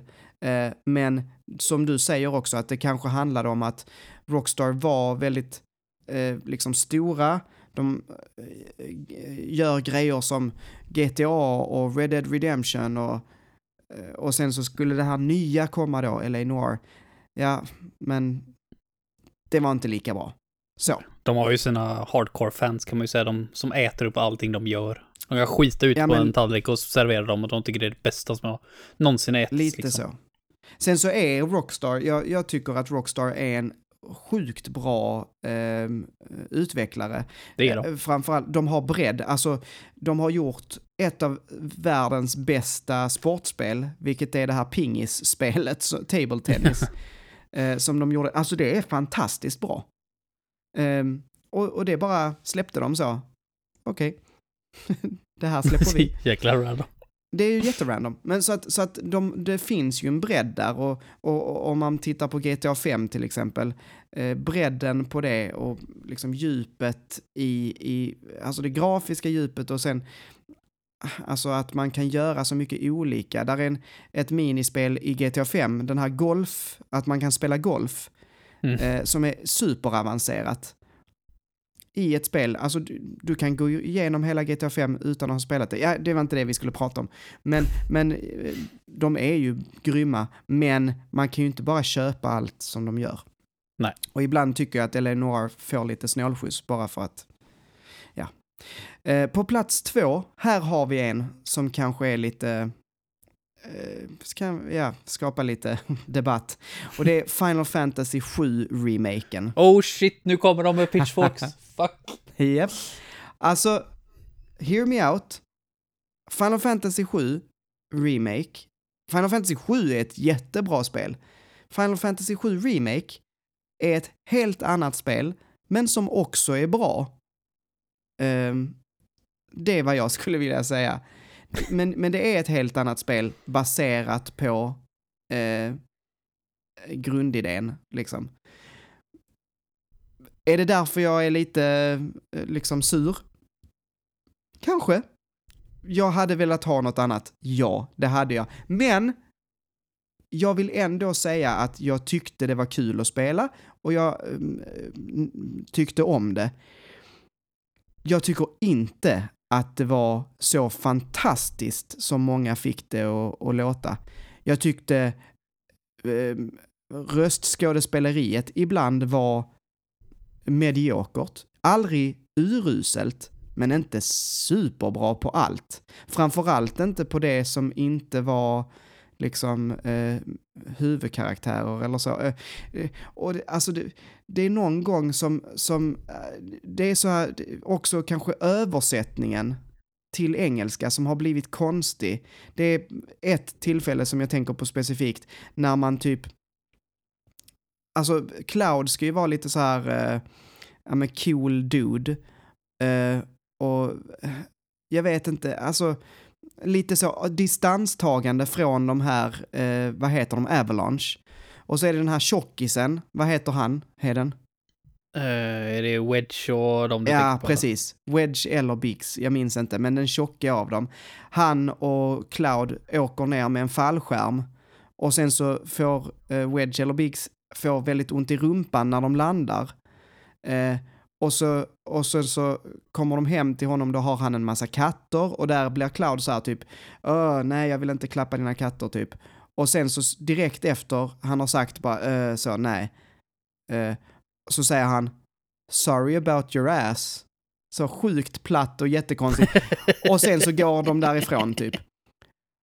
Och jag bara så här, okej, okay, det är jättekonstigt. Du, du känner dig för cool för att liksom Ehm, klappa katter. Men du tycker att det är lämpligt att säga sorry about your ass. Och han gör det inte lite ironiskt, utan han säger det på riktigt som att ja, jag är ledsen för att du fick ont. Men det är bara så konstigt. Det är bara så jätte, alltså det, det, är väldigt mycket så som, som är så här dissonant på något sätt. Eh, som jag tror handlar om att det är ett, ett eh, manus skrivet på japanska som sen har blivit översatt och att folk inte reagerar på det här konstiga manuset får mig ibland att gå i taket. Alltså jag blir, jag blir tosig när folk säger att Åh, det är så himla vackert skrivet. Jag bara, var? Var? Det finns så mycket bättre dialog. Alltså i, i typ The Last of Us, i, alltså så, som, som, är, som är välskrivna dialoger. Um, nu kan, kanske jag får skit för det också. Men, men som, och det är ju skrivet för engelska. Jag, tyck, jag tycker dialogerna ibland är bara så tokiga så det är helt, man hänger inte med. Um, men med det sagt, återigen, jag tycker Final Fantasy 7 Remake är ett bra spel, bara inte så bra som folk säger att det är. Så, nu var jag färdig med det. Mm. har du något att tillägga? Eller vill du att vi går vidare? Nej, jag, håller, jag håller inte med, det gör jag. Eh, sen så tycker jag problemet med Final Fantasy 7 remaken är väl att de tar sig lite väl mycket frihet att lägga till saker. Alltså, jag tycker inte att det här, det som part 1 innefattar, liksom det här när man är i Midgard, det är ju liksom typ en av de svagare delarna av spelen. Var de tvungna att dra ut det till ett helt spel, det tycker jag är helt onödigt. Eh, ja. Jag skulle hellre sett att det var kortare och att det följde originalet bättre. Jag tycker ja, jag förstod aldrig riktigt grejen. De här andarna som, eh, alltså, jag vet inte. Det, det finns grejer som inte riktigt är, är superbra i det spelet, så är det. Mm. Um, jag, jag, vill bara komma mm. vidare för jag tycker verkligen att Final Fantasy 7 har en absolut fantastisk story. Men det börjar precis, mm. alltså den storyn börjar precis efter att du kommer ur Midgard. Så jag vill bara ja. ut därifrån, men 30 timmar in liksom bara, är det inte slut snart liksom? Jag vill eh, vidare, jag, jag älskar verkligen Final Fantasy 7 Remake, eh, men jag har fortfarande inte spelat färdigt helt och hållet. Jag har faktiskt Nej. köpt till och med PS5-versionen nu för att jag ska kunna spela den versionen istället. Ja. För att få, mm. förhoppningsvis få lite, lite eld i rumpan då så att säga. Sorry about your mm. ass. Ja. Ja, okej. Okay. Yeah. Så på första plats av eh, mest överskattade spel är Fifa och så lägg valfritt år. Så ja, fort det, det kommer ut ett nytt på. Fifa. Alltså, okej, okay, nu ska jag samla mig. Mm. Bara, för, men snälla människor, köp inte Fifa. Om ni vill spela ett fotbollsspel, köp, köp ett Fifa. Köp inte Fifa för fullpris. För att det är det inte värt. Det är inte värt det. Det är ju inte, det finns, det är, kan omöjligt finnas tillräckligt med nya funktioner eller nya grejer för att du ska behöva köpa ett nytt Fifa varje år. Köp ett Fifa som är två år gammalt. Det går precis lika bra. Det är inte det sjukaste. Det. det sjukaste är att de lägger, alltså det finns folk som lägger pengar på nya spelare i det här eh, Journey-läget eller vad fan det nu är. Ultimate Team. Ja, precis. Och så, Nej, alltså, det är så fort det kommer ut bullshit. ett nytt, det kommer ut ett nytt spel så är allting liksom bara, du har bara kastat pengar i sjön. Liksom, de är inte värda ett skit längre, för nu ska du köpa nästa spel som är fullpris, mind you, och sen ska du köpa nya kort och hoppas att du får lika bra spel den här gången. Alltså det, ja, det, det, det jag vet inte vem som är dummast, de som gör det här, eller EA. Ja, Jag- men jag det är väl en... helt- en alltså, det, båda. Bara gå inte med på det här. Alltså, Fifa är det dummaste. Och eh, man kan prata om, alltså i USA är det väl mer Madden kanske. Mm. Eh, eh, som, eh, liksom, men, men här i Europa så är det Fifa som gäller, eh, tydligen. Ehm, och alltså, Fortnite åkte ur den här listan för att jag skulle få plats med Fifa. Eller ja, eh, eh, de andra också. Men, men, men alltså jag tycker det här är värre. För att det är, det är, jag fattar inte. Jag fattar inte hur de år efter år kan liksom få lov att, att fortsätta sälja samma skit. Mm. Nej, jag tycker, jag tycker det är definitivt den mest överskattade spelserien. Eh, man behöver inte, det, det hade räckt med en, gång var femte år liksom. Eh, Ja, en per generation, typ som eh, Nintendo-spel blir liksom. När det kommer ett Ja, nytt Mario och- Kart till en ny konsol så skulle det komma ett nytt Fifa. Precis. Och eh, förstå mig rätt, jag tycker ju om att spela Fifa. Jag tycker om att spela Fifa med lite kompisar så, man, man sätter igång ett Fifa. Senaste Fifa jag köpte var Fifa 16. Det är det jag har nu. Och det kommer räcka tills jag känner att ja, men nu skulle jag vilja ha en ny konsol, ja då kanske jag köper ett nytt Fifa till den konsolen. Men jag tänker ju inte, alltså nu tänker jag inte köpa Fifa 22, alltså bara för att. Jag, jag spelar Fifa 16 när jag känner för det. alltså, Mm.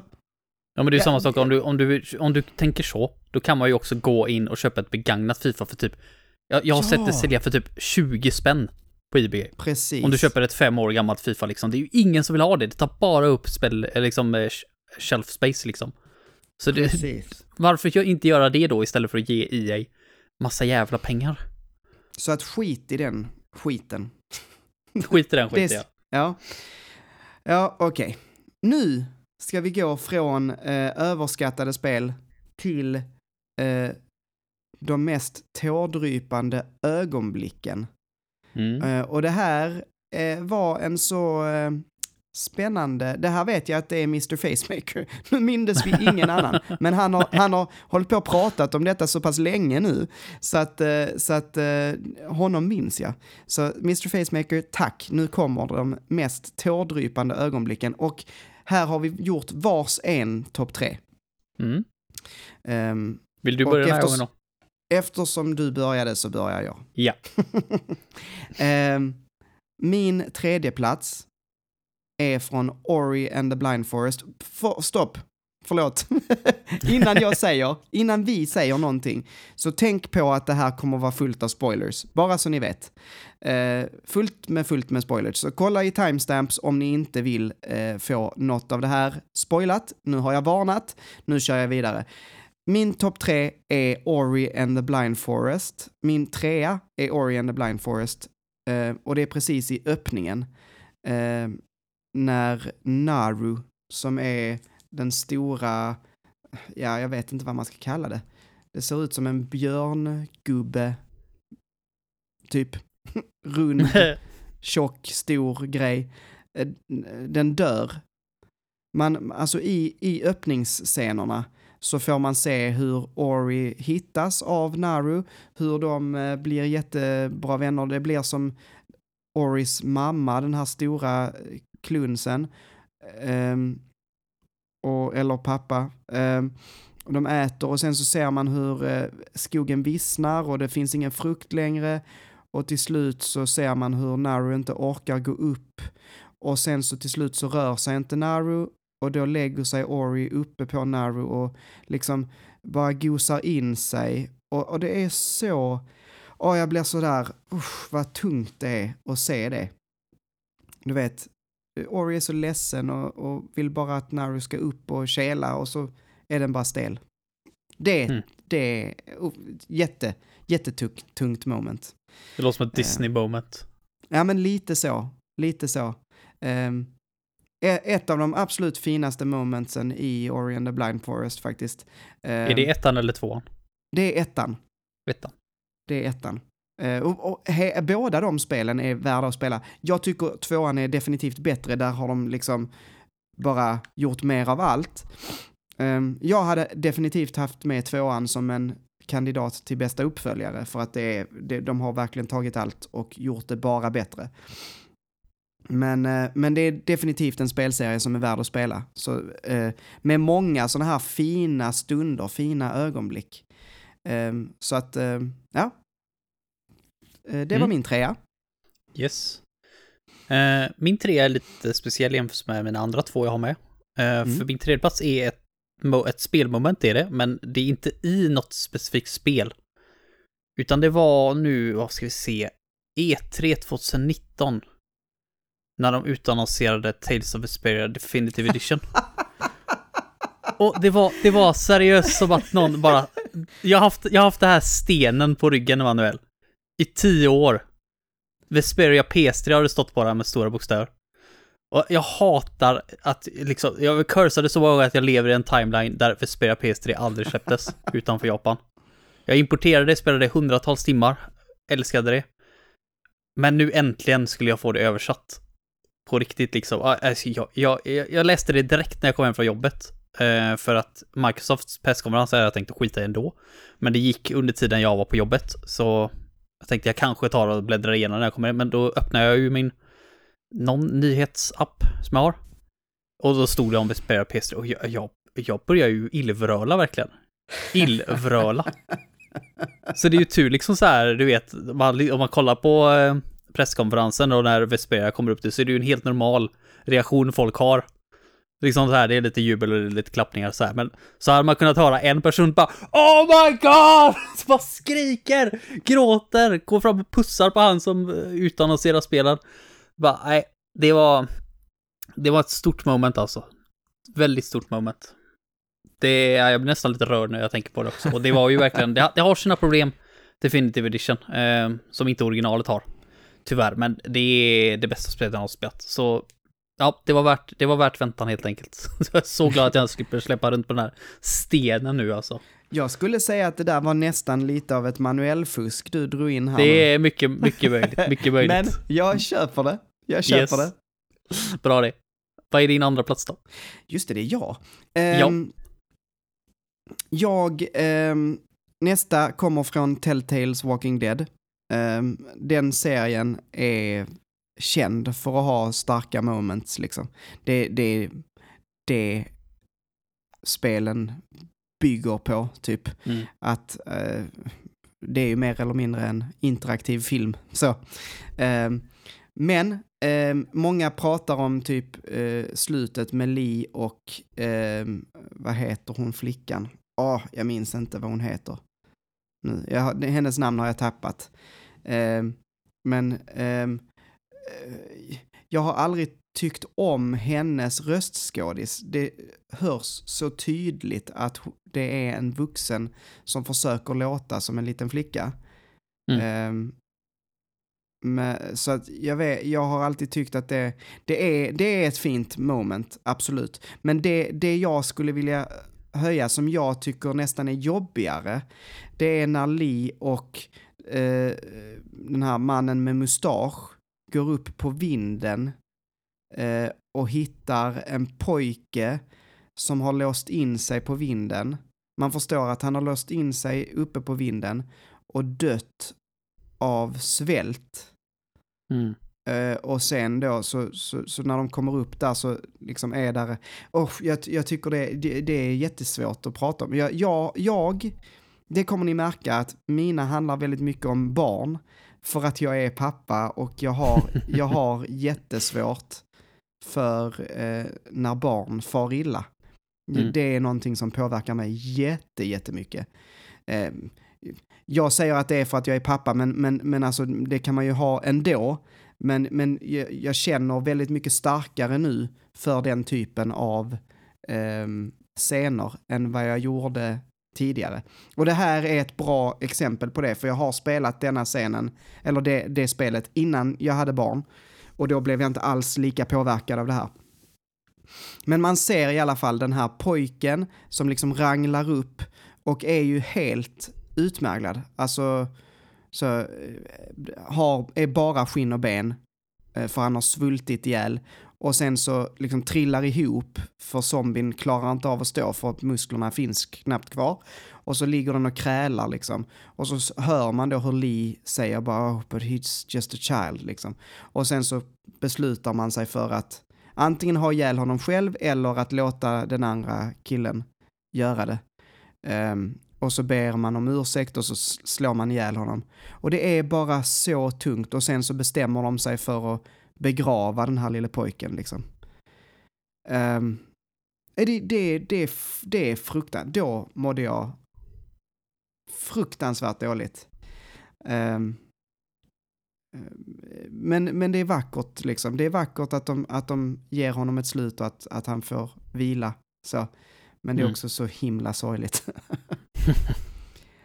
ja, så det var min tvåa. Gud vad det här mm. kommer att vara deprimerande ja, att lyssna det, på. det, det, det kommer det vara. Uh, jag hoppas inte min första var alltför deprimerande dock. det var ju faktiskt glädjetårar.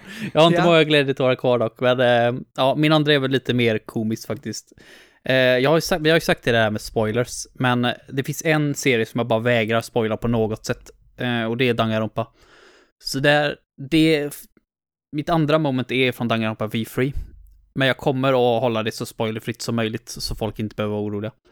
Ehm, men det, det är i alla fall, där får man ju vänja sig vid att det kommer att vara tufft i, vid sina stunder. Alltså, dina karaktärer du har liksom lärt känna och favoriserar liksom, eh, kommer att dö förmodligen, med stor sannolikhet. Eh, antingen så kommer de att mörda någon, liksom, och eh, visa hur de verkligen är som personer. Eller så kommer de bli mördade. Eh, jag vet inte vilket som är värst faktiskt. Men jag trodde jag gärna var lite beredd på vad jag hade att vänta mig efter att ha spelat Danganronpa 1 och Danganronpa 2 när jag gick in i V-Free. Eh, det hade jag inte. Det hade jag verkligen inte. Det är ett, ett case där, jag håller det caset hemligt. Men det, det, jag hade ändå tagit ledigt några dagar. Eh, typ tre dagar, något sånt där. Jag hade inte mer semesterdagar tyvärr för att spela det här. Det är liksom Danganronpa och Persona jag kan ta semester för. eh, men en, en kväll gick åt till att bara, alltså det, det, en karaktär dog ju då, som jag inte var beredd på. Och som var förmodligen min favoritkaraktär. Och det, jag tog det så hårt. Jag tog det så hårt att jag kunde liksom inte till slut fortsätta spela, utan jag, jag grät, jag vet inte hur länge jag grät. Till slut så, så här, alltså man satt och så här skratta och grät eh, varvat. Bara för att det här är ju så fånigt, det är ju fik fiktivt. Så bara chilla nu så du kan fortsätta spela, du har tagit ledigt för det här, för fuck's sake. Eh, men eh, jag, jag kunde bara inte till slut, jag har faktiskt en bild på telefonen. När jag efter typ har gråtit en timme i sträck går in på toa och liksom tvättar, eh, tvättar ansiktet så bara såg hur jävla illröda jag, ögon jag hade. Ja. Så det, det, har jag någonstans sparat på min telefon, så jag tar upp och skrattar åt ibland. Eh, det var faktiskt när jag pratade om det här i gaming-soffan. Så var det någon som skickade in, jag tror det var det enda meddelandet jag någonsin fick från han, eh, eh, aldrig sett innan, eller efter att jag var där, han bara, jag vill se bilden, jag vill se bilden på när du gråter. och bara what the fuck, och bara okay, jävla konstiga fans man har, men ja visst visst. Jag visade aldrig bilden i alla fall, eh, den gången. Men eh, alltså jag tog det så jävla hårt och jag kommer ihåg att efter att ha stått där ute och liksom så här hämtat andan, tvättat ansiktet tills jag såg någorlunda vettig ut.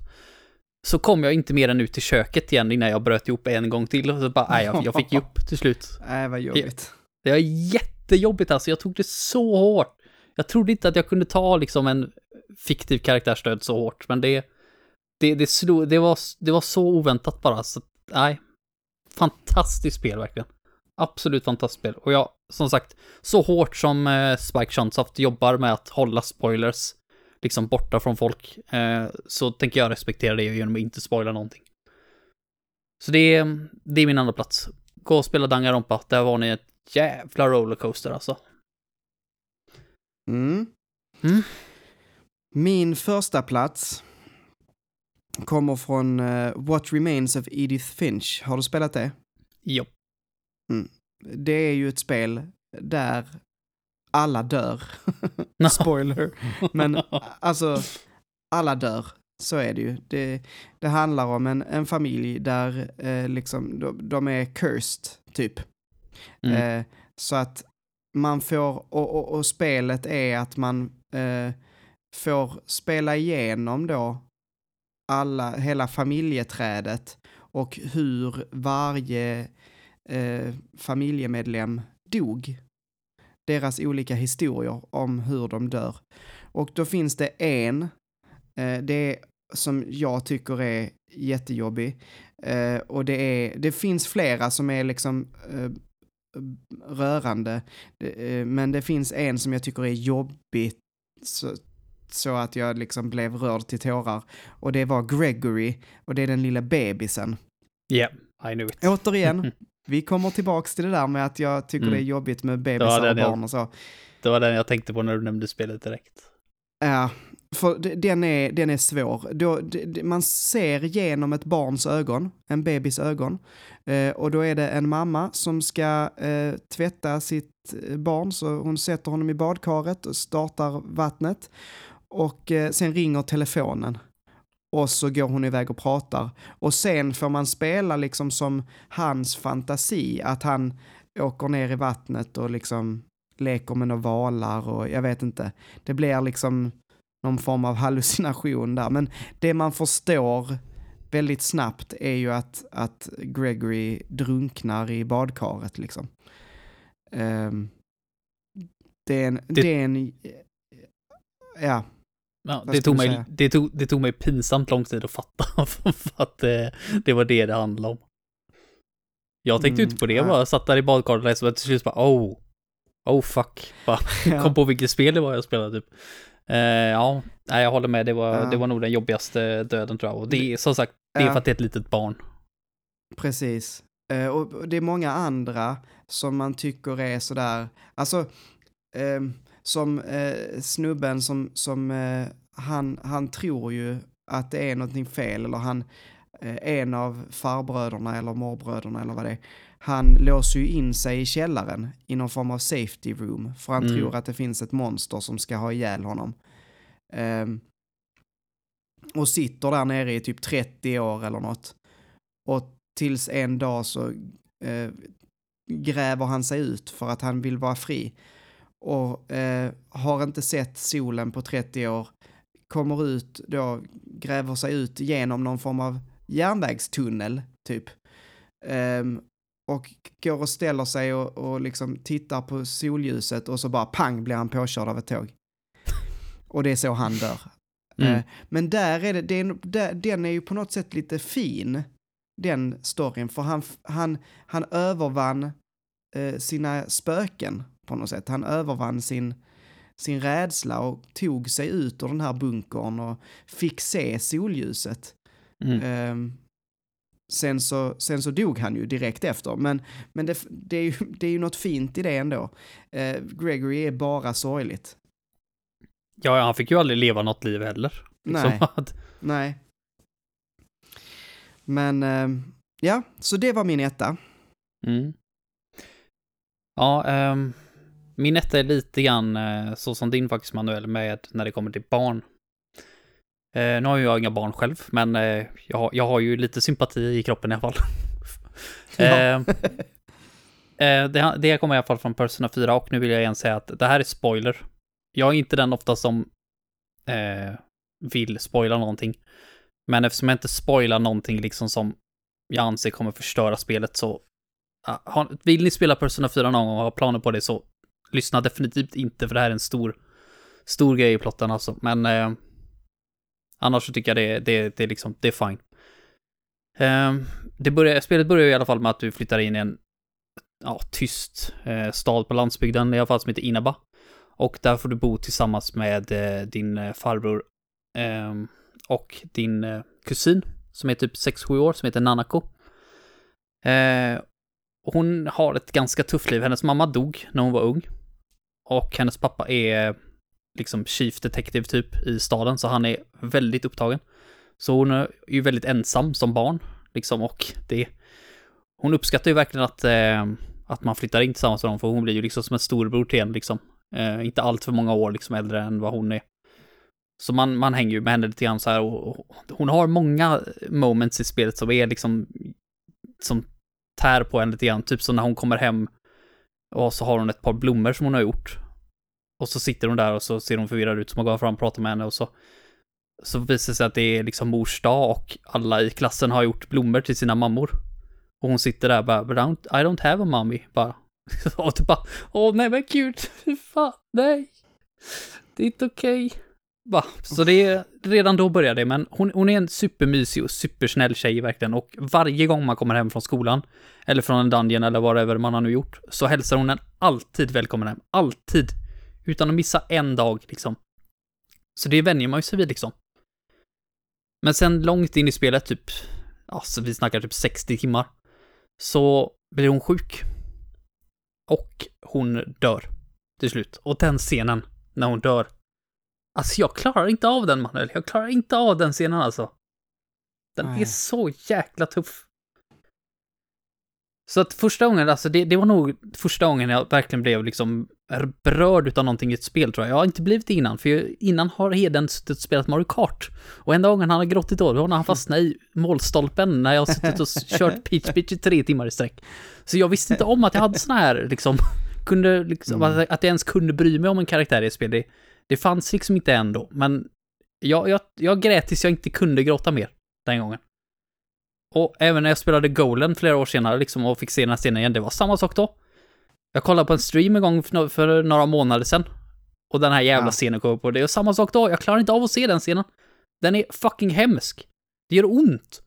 Och innan mm. hon dör liksom, så ligger hon på sjukhus några dagar. Och när man kommer hem då, så istället för den här fina låten och att hon hälsar en välkommen hem, så är det en ledsam låt. Och ingen som hälsar en välkommen hem. Vet du, vet du, det var som en kniv. Kniv i magen verkligen, varje gång man kommer hem och det är liksom tyst i huset.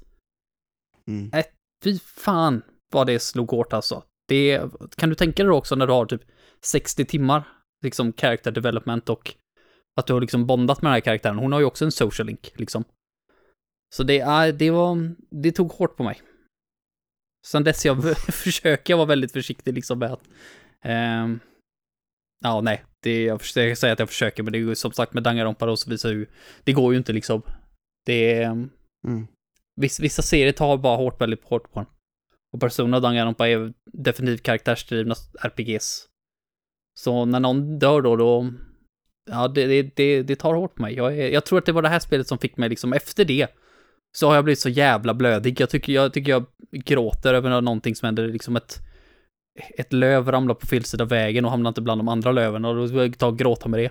Fucking stackars lövet som ligger på sin egen sida vägen. Alltså jag har blivit så fruktansvärt blödig med åren. Så det är, jag tror det började här. Jag tror det började här. Så jag tror inte det har varit nice. lättare för dig att se den här scenen när du har barn.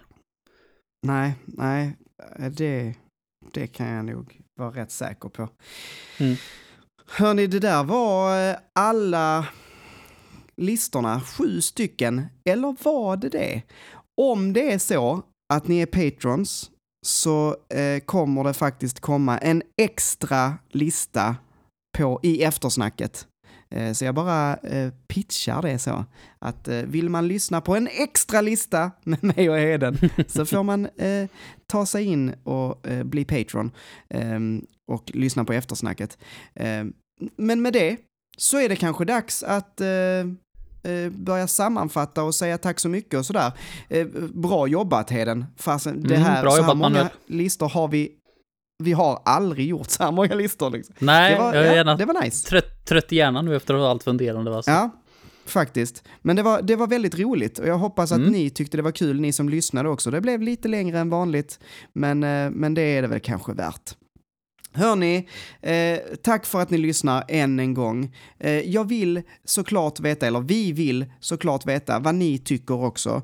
Eh, är det någon av de här listorna, sämsta uppföljare, bästa minispel, bästa spelvärld, eh, som ni har någon liten tanke om hur ni skulle kunna göra, eh, skriv det till oss. Ge oss er topp tre av valfri som vi har pratat om idag. Eh, det är alltid jättekul att få höra.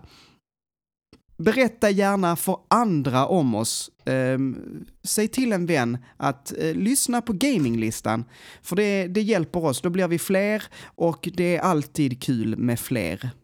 Ju, ju fler desto bättre. Eh, och vi finns ju på Discord.